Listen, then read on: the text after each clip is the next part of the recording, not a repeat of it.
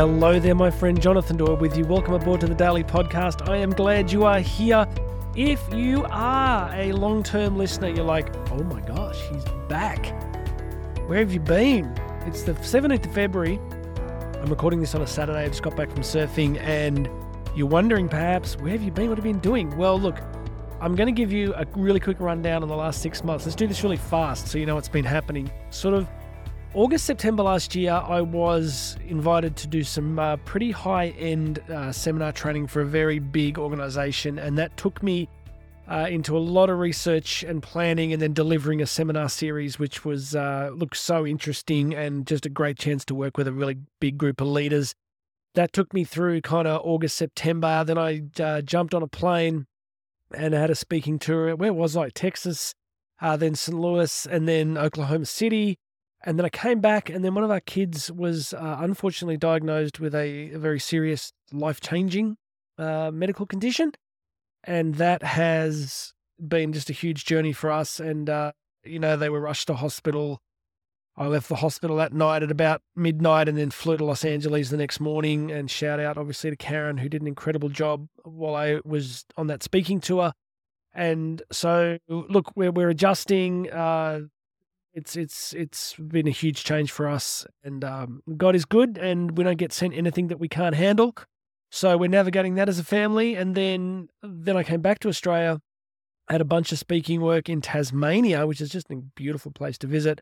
Uh, race back, and then back to the US. I was back in Texas, and then I went to let me remember.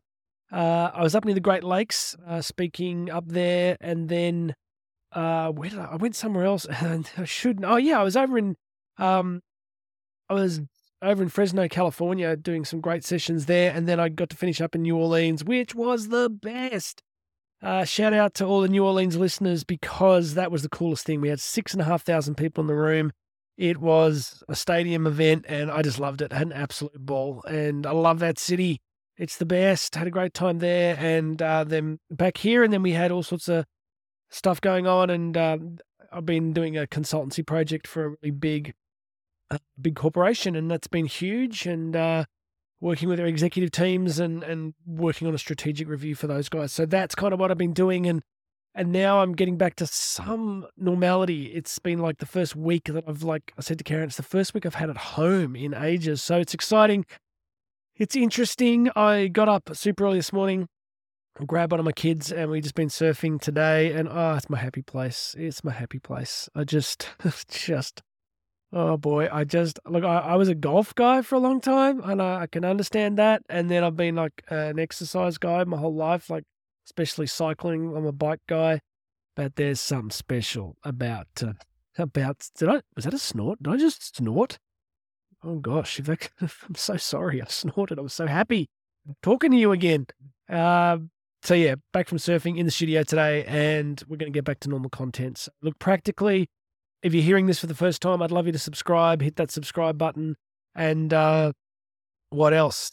Uh, you can find me on Instagram at J Doyle Speaks. I post pretty frequently on Instagram just to kind of give you a, an insight into the general craziness of my life, just kind of what I do each day. And uh, I'm training pretty hard at the moment. I've got an ultra marathon coming up in 10 weeks. I'm running a uh, I, I, wanted to do the 100k ultra, but they wanted me to do a preliminary one because I hadn't run for these guys before. So I've got to do a 66k uh, trail run with a huge amount of climbing somewhere down near the Southern Ocean in uh, 10 weeks. So I went out a couple of days ago and ran 30k, and I'm like, oh, that does hurt. And uh, so, and yesterday was nuts. I got up and did a heavy ruck, pack ruck, and then gym session, and then I finished off with 70k on the bike. So I'm uh, I'm back to my standard craziness. So if you want to see what unhinged at 50 looks like, then uh, J Doyle Speaks is where you'll find me on Instagram. And uh, of course, my website, jonathandoyle.co. If you want to find out how to book me to speak, uh, doing a lot of consultancy work these days for a whole bunch of organizations around leadership, strategic reviews, all that sort of stuff, um, business sorts of stuff. So that's there. But mostly, I, my heart is still speaking. So if you want me to come and work with your business, your team, your organization in terms of a speaking event um, on any topic that uh, we can develop content for, then I'd love to come and do that. This year, I'm really going to get back on stage a lot more and be speaking heaps. So keep that in mind if you like the content that you hear over the journey ahead.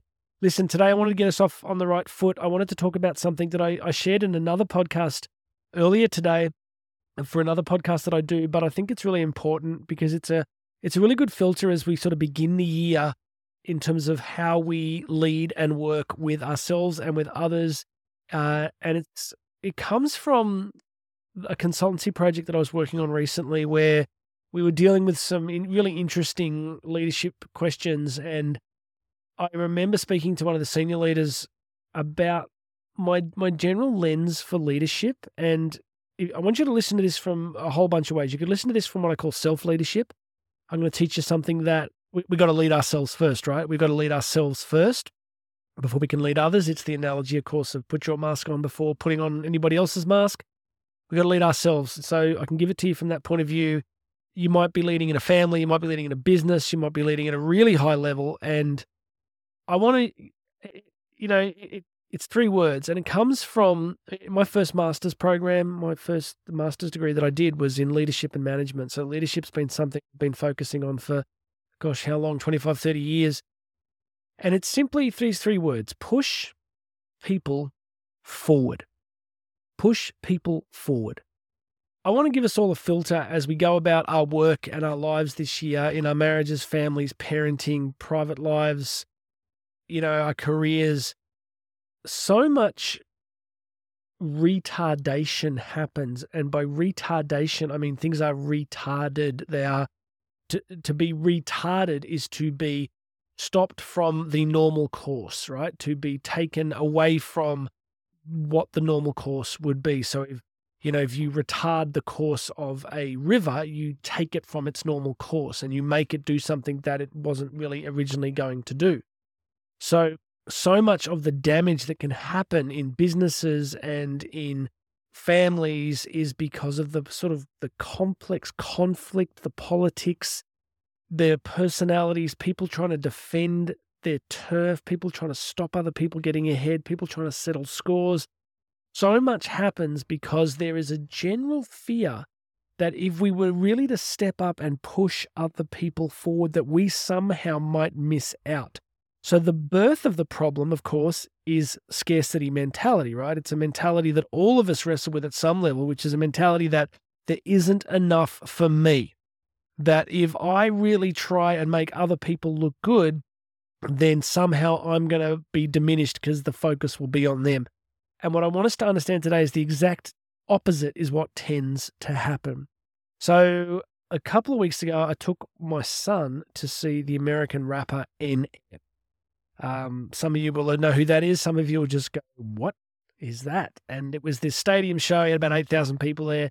And it was, uh, and after that, I ended up at an event and I'm talking to a guy who's a senior executive at a major uh, broadcast network. And we are talking for ages. We were talking about leadership and, and he was sharing the same kind of stuff the complexity, the problems, the challenges, the backbiting, the, you know, the kind of all these issues that are going on that stop the organization from progressing because of people's personal agendas. And then he shared a time when uh, something had gone really well. And I said, So, how do you explain that going really well? And he stopped and he said, Well, it's interesting. He said, It's amazing what can happen when leaders don't care who gets the credit. He said, It's amazing what happens when leaders don't care who gets the credit. And that led into this amazing conversation where I got to share with him this idea of push people forward. I said, What great leaders do is they push people forward, they make other people look good. So, what I want to suggest to you is look into your family life, look into where you're working, even into your friendships, and ask yourself do you consistently try to make other people look good? Do you consistently try to push people forward?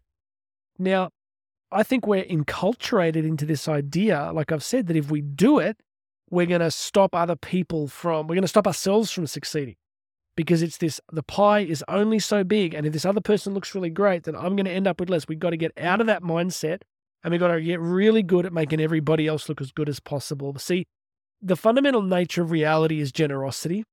I think I've said this many times in different podcasts and events is that the nature of the cosmos itself, like God's nature, is inherently generous. Like life itself is a generous gift. You didn't create yourself, it was given to you as a gratuitous gift.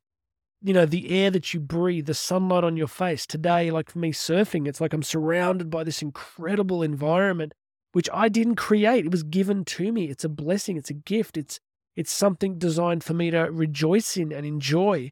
So, if the fundamental operative modality of the cosmos is generative gift, then wouldn't it make sense that if we cooperated with that, that if we moved in the same kind of pattern as that, we would see some pretty awesome results. So, my message to you today is let's really start to push people forward. You know, it's February now. We've got a year ahead of us. I want you to go into your work. I want you to start thinking about this. Right. Stop worrying about are you going to get promoted? Stop worrying about are you going to get what you need or want? Trust that you will and start looking around you for who can you make look better. You know, the, the you know, I remember reading um oh, what was his name? Is it Ben Zander? Um, the guy that's the conductor of the Boston Philharmonic Orchestra. And, you know, he made this comment where he said that the conductor of an orchestra is the most powerful person in the room, but he doesn't make a sound. Oh, there's an irony here because it's a musical event, but the most significant musician in the room literally does not make a sound. But he, you know, Zander went on to say that his success, his genius, his influence, his impact, or her influence, you know, whoever the conductor is, the influence comes from what? And this is the crucial line. He said, it comes from he or she making everybody else look good. The conductor's job is to make everybody else brilliant. But it's funny at the end of it, right? Like everyone claps the musicians, but usually it's the conductor that gets the, you know, the big ovation at the end. So I think that's a great insight that that that the power comes from making everybody else come together and produce something that is much bigger than the sum of the individual parts. Oh, sorry, it is the sum of the individual parts, you know? So it can be corporate, it can be in the family, it can be going into your family and just trying to drop the conflict, drop the drama, drop the unforgiveness, drop the bitterness, and just focus on how am I going to make these people look good? How am I going to push them forward? How am I going to push them forward? And I think if you start to think this way, you will find that you're not only pushing them forward, you'll be pushing yourself forward too. And that's self leadership. How will you be pushing yourself forward? You'll be growing. And I also think there's this peace that comes. There's this peace that comes. You end up going to bed at night thinking, you know what? I can relax. I don't have to worry so much because I'm just going to keep trying to make others look good. All right, that's it for today. Please make sure you subscribe. Come and say good on Instagram. Joe Doyle Speaks. Come and check out the website, jonathandoyle.co.co. I'd love you to reach out and uh, book me for your events, your training, whatever you need, consultancy services, coaching. It is all there. God bless you, my friend. My name is Jonathan Doyle. This has been the Daily Podcast. You and I are going to talk again tomorrow.